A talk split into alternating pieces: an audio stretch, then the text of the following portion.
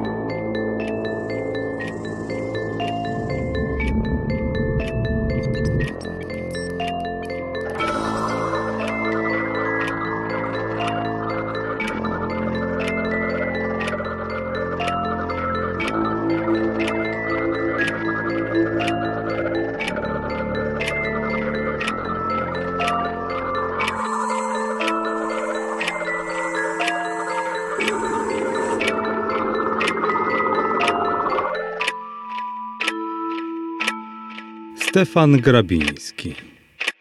Szalona zagroda. W poblaskach stoją słonecznych, w strugach się pławie, pokrwawia, a wichry nade mną tak smętnią, a wichry tak kwilą nad głową. W step patrzę pusty, rozległy, w step patrzę zielskiem zmącony, a kruki się żalą nade mną, a kruki nade mną tak płaczą. Samotny stoją w rumowiu, bezdomny ojciec bezdzietny, a rozpacz po gruzach się tłucze, a rozpacz po szczerbach się słania. Na kresach chmury się prężą, na skłonach chmury się stalą. Dym płachtę zarzucił na oczy, w krtani więzgnął, wrzynają się sadze. Wczoraj wróciłem z zakładu. Nie jestem już szkodliwy. Niech i tak będzie. Lecz przysięgam, że każdy na mem miejscu w podobnych okolicznościach doszedłby w końcu tam, gdzie ja. Nie jestem chory. I nie byłem nim nigdy, nawet wtedy. Tak. Nawet wtedy. To, co zrobiłem, wynikło nie z jakiegoś zboczenia, lecz było konieczne jak nimi są przejawy żywiołów, jak śmierć i życie, wynikło ze środowiska z oczywistością niezachwianą. Nie jestem i nie byłem nigdy psychopatą. Natomiast byłem skończonym sceptykiem. Nie przywiązywałem się do żadnej zasady czy doktryny. Nie olegałem nigdy sugestii. Pod tym względem stał za mną na wprost przeciwnym biegunie mój przyjaciel K którego wówczas uważałem za człowieka niezwykle przesądnego. Jego dziwaczne, niekiedy obłąkane poglądy i teorie wzbudzały we mnie stale gwałtowną opozycję, a stąd ustawiczne spory, kończące się nieraz zerwaniem na czas dłuższy naszych wzajemnych stosunków. A jednak, zdaje mi się, nie ze wszystkim się mylił. Przynajmniej Jedno z jego zapatrywań na mnie się fatalnie spełniło. Może dlatego właśnie, że przeciw niemu najzawzięciej występowałem, jak gdyby przeczuwając, że mu posłużą za formę objawienia się. K. utrzymywał, że w pewnych miejscach muszą się odbyć pewne rzeczy. Innymi słowy, że są pewne miejsca, których charakter, natura, dusza Oczekuję spełnienia się wypadków, zdarzeń z nimi związanych. Nazywał to stylową konsekwencją, chociaż czułem w tym wszystkim pierwiastek panteistyczny. Cokolwiek bądź, jeszcze podtem rozumiał, nie zgadzałem się z zapatrywaniem podobnego rodzaju, unikając wszelkiego choćby cienia tajemniczości. Myśl ta przecież nie dawała mi spokoju, a chęć wykazania jej bezpodstawności nęciła nawet po rozstaniu z K, z którym się już więcej nie spotkałem w życiu. Niedługo potem miałem zaspokoić moją ciekawość. Stało się. I wyszedłem stamtąd w mym trzydziestym roku życia, osiwiały jak starzec i złamany na zawsze. Włosy mi się jeżą na wspomnienie tej chwili strasznej, niezapomnianej, co zdruzgotała mnie doszczętnie. I nie wiem, czemu jeszcze żyję i na co, i że w ogóle potem żyć mogę, bo w pokutę nie wierzę. Zresztą nie czuję się winnym. Choć krwawo słońce zachodzi i szkarłat na głowę mi bluzga, nie czuję się katem. Tylko za długa agonia zbyt się pastwi nade mną. Choć pod wspomnieniem arterie tężeją, a w mózgu przywalają się kałuże krwi, czyste mam czoło i trupio blade ręce. Tylko zbyt się odwleka mój koniec i za jasno wszystko rozumiem, za bystro. Dziwnie jakoś zaostrzyła mi się uwaga.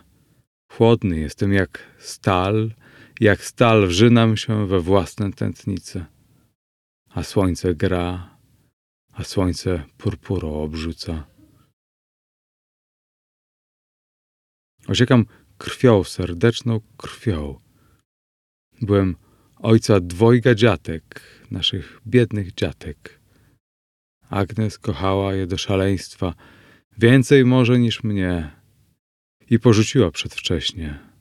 Zmarła parę lat po przyjściu na świat młodszej dziewczynki. Agnes, moja, moja słodka Agnes. Śmierć ta rozstroiła mnie bardzo. Nie mogąc uspokoić się jednostajnym trybem życia, zacząłem podróżować wraz z dziećmi, które mi były jedyną osłodą tych czasów.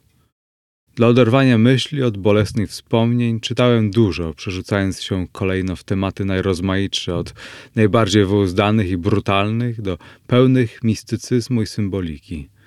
Przytem nie zapomniałem o K i jego teoriach. Pewnego razu zatrzymaliśmy się na czas dłuższy w mieście – w zamiarze spędzenia tu miesięcy jesiennych. Samo miasto z cechami typowymi większych środowisk kultury i pełnym nerwem stolicy przedstawiało dla mnie najwyższy urok przez swe piękne okolice. Do jednej z nich wybrałem się z dziećmi dorożką w pogodną sierpniową niedzielę. Wypatrzy poza obręb miasta, przesunął się pojazd między dwoma szeregami topu przeciął tor kolejowy i pomknął między pola. Byliśmy już pół mili za miastem, gdy po prawej stronie gościńca, nieco w głębi na pustkowiu, zwróciła mą uwagę dość dziwaczna na pierwszy rzut oka budowla, samotnie wzniesiona pośród zaniedbanego sadu i zupełnie nie zamieszkała. Zatrzymałem dorożkę i sam poszedłem oglądać budynek.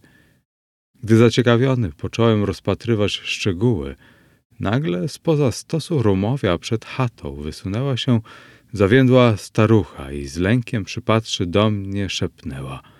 Panie, rzućcie ten dom, póki pora, rzućcie, jeśli wam Bóg, dusza miła. Po czym spiesznie rzuciła się w bok i znikła w burzanach.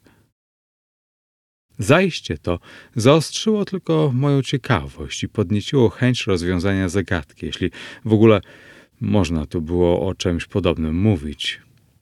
Po powrocie do domu miałem już plan gotowy. Postanowiłem bezzwłocznie sprowadzić się do opustoszałej zagrody. Wydała mi się jakby stworzoną do sprawdzenia wywodów mego ekscentrycznego przyjaciela. Jeżeli miały jaką rację bytu, to tu powinny ją ujawnić. Uderzyła mnie mianowicie wspomniana scena przy ruderze, jako też niektóre szczegóły miejsca, zgodne z tym, co niegdyś słyszałem od K. Co do sceptycyzmu, ten nie zmniejszył się bynajmniej. Zachowywałem też chłodną rezerwę badacza niedowiarka. Później dopiero miałem z roli obserwatora przejść w czynną, lecz to nastąpiło potem i bez mojej świadomości. Tymczasem pokusa była za wielka, żeby się jej móc oprzeć. I nazajutrz, zaopatrzony we wszystko, sprowadziłem się z dziećmi do ustronnego domostwa. Co mnie na wstępie zdziwiło, to okoliczność, że gdy chciałem się w sprawie wynajmu porozumieć z gminą, nie robiono mi najmniejszych trudności i pozwolono zamieszkać za śmiesznie małą ceną. Swobodę miałem najzupełniejszą i nie potrzebowałem obawiać się przyszpiegów wsi, gdyż ludzie sami wymijali z daleka mą siedzibę i nieraz widziałem, jak przechodząc mimo żegnali się zabobonnie. Tak więc całymi tygodniami nie widziałem ludzkiej twarzy, chyba gdy kto przejeżdżał traktem, co się jednak zdarzało rzadko. Bo ruch na tej linii od kilku lat osłabł znacznie i przeniósł się o parę wiorst na zachód. Zacząłem więc obserwacją. Przede wszystkim zastanawiała sama zagroda. Budowa jej na pozór niczym nie różniła się od zwykłych domostw, jakie spotyka się na przedmieściach lub przydrożnych zajazdach, a przecież skutkiem szczególnego zestawienia proporcji zdawała się coraz to bardziej zwężać ku dołowi, także podstawa w porównaniu ze szczytem była zadziwiająco mała i wątła. Dach z górną częścią wprost przygniatał podwaliny. Całość dawała się przyrównać do chorobliwie rozwiniętego organizmu ludzkiego, który ugina się pod ciężarem anormalnego wybujania głowy. Konstrukcja ta nadawała domowi charakter czegoś brutalnego, jakiegoś znęcania się silniejszego nad słabszym. Nigdy nie umiałem sobie wytłumaczyć, jak mogła powstać i utrzymać się tego rodzaju budowa. Podobne wrażenie robiły okna w stosunku do ściany, znikająco małe, wciśnięte w grube mury, gubiły się niemal w ich okrutnym uścisku. Tak przynajmniej wyglądało to z zewnątrz, chociaż, jak się z czasem przekonałem, nie były tak wąskie w rzeczywistości, a przepuszczały tyle światła, ile w zwykłych warunkach okna znacznie większe. Do tego przyłączał się drapieżny wygląd rudery, skażonej mnóstwem dziur i wyżłobień. Wyglądające z nich cegły pokrywały mury niby pryszczami zakrzepłej posoki obryzgującej ściany. Niemniej przykro przedstawiało się wnętrze. Złożone z trzech izb, pełne było szpar i przepuklin, przez które wnęcał się swobodnie wiatr. Wpadał do wpół zwalonego paleniska, wykręcał resztki popiołów i tłukł się w dymniku. Najdziwaczniejszą jednak okazała się izba narożna, gdzie przeważnie przebywałem. Liszaje powstałe w jednej ze ścian po oderwaniu się tynku utworzyły zagadkową figurę. Zrazu nie umiałem uchwycić jej należycie. Przerysowałem więc zwolna na papierze i oto przedstawił mi się dość dziwny obraz, czy raczej jego fragment. U spodu ściany, tuż nad podłogą, odciskały się kontury nóg dziecięcych. Jedna, zgięta w kolanie, opierała się końcem stopy o drugą, sztywnie wyprążoną ku ziemi. Tułów, przychylony wstecz, dochodził mniej więcej do piersi. Reszty zabrakło. Małe, wątłe ramiona wznosiły się w górę ruchem bez silnej samoobrony. Całość, mogąca wyobrażać ciało kilkuletniego chłopca, tchnęła bezwładem zwłok. Nieco wyżej, ponad tem, a w kierunku nieistniejącej głowy, widniało dwoje rąk, kurczowo zaciśniętych około czego? Nie wiadomo. Przestrzeń między palcami była pusta, lecz ręce te należały do kogoś innego, były znacznie większe i żylaste. Do kogo Obraz nie wskazywał, bo urywały się już poniżej łokcia i zatracały gdzieś na białym tle ściany. A obraz ten, jak i cała izba, miewały w słoneczne dnie swe specjalne oświetlenie. Promienie, wpadając przez okna, załamywały się w taki sposób, że światło rozszczepione w krwiste okola oblewało jeden ze słupców przyciesi. Zdawało się wtedy, że ściekają zeń grube krople krwi, i rozwodzą w kałużę u spodu. Tłumaczyłem sobie to niezbyt przyjemne zjawisko prawami optyki i szczególnym składem chemicznym szkła w szybach, zresztą białych i nieskażenie przezroczystych. Zbadawszy samo siedlisko, przeszedłem w sad czy ogród, stanowiący z niem jedną nierozłączną a stylowo całość. Był bardzo stary i zapuszczony – od lat wielu rozplenione haszcze ujmowały go zewnątrz zwartym żywopłotem, strzegąc zazdrośnie tajemnicy wnętrza. Wśród chorobliwie wybujałych trawisk dzień butwiały smukłe, przedwcześnie zmarniałe pnie młodych drzewin.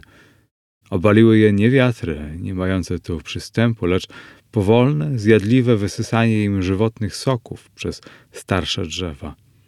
To też wyschły jak szkielety z liśćmi o suchotniczych wypryskach.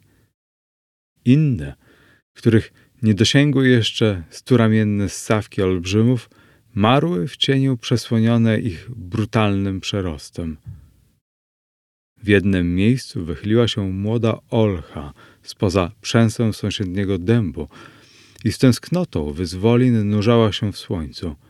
Wtedy dognał ją muskularnym konarem, wpoił się w miękką jeszcze rdzeń przedarł na drugą stronę. Strzępami zwisły wywleczone nerwy w gwałtownym skurczu. Poskręcały się włókna i słoje. Odtąd poczęło usychać. Ówdzie wargate chuby obsiadły latorośle w jadowitych pocałunkach i chłonęły im mlecz z zapamiętaniem. Jakieś ohydne, krwawo nabiegłe pasożyty omotywały nieletnie pnie i dusiły je, dławiąc. Wydłużone paroście jaworów wspierały swój ciężar na ledwo rozrosłych szczepach i przygniatały je ku ziemi. Pod nadmiernym naporem gieły się smutno ku podglebiu lub wyradzały w potwornie śmieszne karły. W sadzie nigdy nie zalegała cisza. Wiecznie jakieś kwilenia, wieczne mąciły ją jęki. Ptactwo czegoś nieswoje przykrym zgiełkiem zawodziło po krzewach, błąkało się po gałęziach, tuliło po dziuplach. Czasem wszczynały się piekielne gonitwy po całym ogrodzie, gdzie zapanowywała groza walki na śmierć i życie. To rodzice ścigali swe młode, biedne, nieprzywykłe do lotu pisklęta, tłukły się w daremnym wysiłku o pnie, łamały skrzydła, rozdzierały pierze, póki znużone, pokrwawione nie obsunęły się na ziemię. Prześladowcy uderzali z góry dziubami tak długo, aż z rozszarpanych zwłok nie pozostało ani śladu. Dziwny ten sad przejmował instynktownym strachem dzieci moje, gdyż unikały go, poprzestając na zabawie przed chatą. Ja przeciwnie. Prawie zeń nie wychodziłem, badając jego zwyrodniałe objawy, wżerając się coraz głębiej w jego tajniki. Nie wiadomo, jak niepostrzeżenie dałem się wciągnąć w zaklęte koło, pleść w mrowisko zbrodni i obłędu. Procesu duchowego, jaki się we mnie odbywał, nie zdołałem śledzić. Wszystko zaszło prawie nieświadomie. Dziś dopiero drogę niezrozumiałej dla mnie anamnezy odtwarzam sobie najsubtelniejsze jego stadia – Początkowo była mi atmosfera zagrody i jej otoczenia tak wstrętną, że gdyby nie chęć wyświecenia prawdy, byłbym ją chętnie opuścił.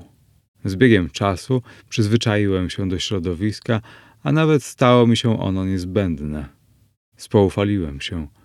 Miejsce zaczęło przetwarzać mnie na swój ton i uległem prawu, które nazwałbym psychiczną mimikry. Dostroiłem się do tła. Pozwoliłem się zbrutalizować. Przekształcenie zaznaczyło się dobitnie w sympatii, jaką po pewnym czasie zacząłem uczuwać do pierwiastka przemocy i gwałtu, przeglądającego w charakterze zagrody i tego, co się dookoła niej działo. Stałem się złym i złośliwym.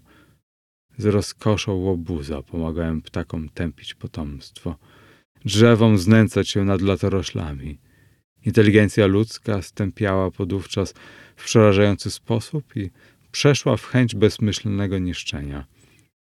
Tak mijały miesiące, a szał mój wzrastał tylko i przybierał coraz to wyuzdańsze formy. Razem ze mną jednak, jakby i całe otoczenie postępowało w szaleństwie. Jakby spodziewało się bliskiego rozwiązania. Musiałem i ja przeczuć, bo Przypominam sobie, jak pod koniec godzinami całymi wpatrywałem się w chimeryczny fragment na ścianie i w jego uzupełnieniu oczekiwałem klucza do zagadki. Albowiem w końcu Wiedziałem tylko to, że mam coś rozwiązać, coś wyjaśnić. Z tego, co się ze mną działo, nie zdawałem sobie sprawy.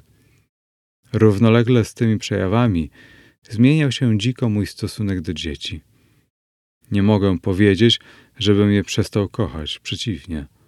Lecz miłość ta przerodziła się w coś potwornego, w rozkosz pastwienia się nad przedmiotem swych uczuć. Począłem bić dzieci moje. Przerażone, zdziwione surowością dotąd łagodnego ojca, uciekały przede mną, kryjąc się po kątach. Pamiętam te biedne, jasne oczęta, zalane łzami, z cichą skargą w głębi. Raz jeden ocknąłem się. Było to wtedy, gdy mój mały, mój biedny synek wśród razów wyjęknął: Tato, dlaczego mnie bijesz? Zaniosłem się od płaczu, lecz nazajutrz powtórzyło się to samo. Pewnego dnia wstałem znacznie spokojniejszy niż przedtem, jakby odrodzony po długim gorączkowym śnie, jasno zrozumiałem położenie. Dłużej pozostawać na tym odludziu byłoby rzeczą niebezpieczną i dlatego postanowiłem nazajutrz opuścić je na zawsze, rezygnując z dalszych dociekań. Był to ostatni odruch woli. Tego wieczora, w przeddzień odjazdu, siedziałem z dziećmi w izbie. Wszyscy troje, z zadumą patrząc przez okna na zachód, co po łanach się płożył, był krwawy i smutny. Miedziane smugi światła jesiennego leżały na polach żałobą agonii. Zimne, przejęte chłodem nocy, bezsilne. W sadzie zacichło nagle. Szemrały nasennie jesiony. Ćwierkały świerszcze. Zaparło dech światu. Chwila naprężenia. Leniwym przerzutem zwracam spojrzenie na kaprys ściany. Trzeba to uzupełnić. Uzupełnić. Ogarnia mnie czułość. Jestem dobry i łez pełen. Jerzy! Pójdź tu, dziecię! Usiada mi na kolanach, ufny, wdzięczny. Musiał odczuć szczerość w głosie. Moje ręce gładzą jasną główkę syna, zwolna obejmując szyję. Tato, nie ściskaj tak mocno. Ta. Zaharczał. Drugie dziecko z przestrachem szybko biegnie ku drzwiom. Ucieknie ci. Rzucam trupa Jerzego, doganiam córkę i jednym uderzeniem roztrzaskuję głowę belką. Krew zmieszała się z purpurą słońca. Tempo patrzę pod ścianę, gdzie leży syn mój. Zda się przywarł do obrazu i uzupełnił go największą dokładnością. Na cal się nie wysunął poza linię. A w rękach, niezaciśniętych już więcej koło próżni, lecz miażdżących mu szyję, poznałem moje własne. Karawana obłędnych myśli przeciągnęła ze szczękiem, zachrzęściła szkieletami trupów i szczezła w zawiei. Problemat zagrody był rozwiązany. Czytał Jacek Brzezowski.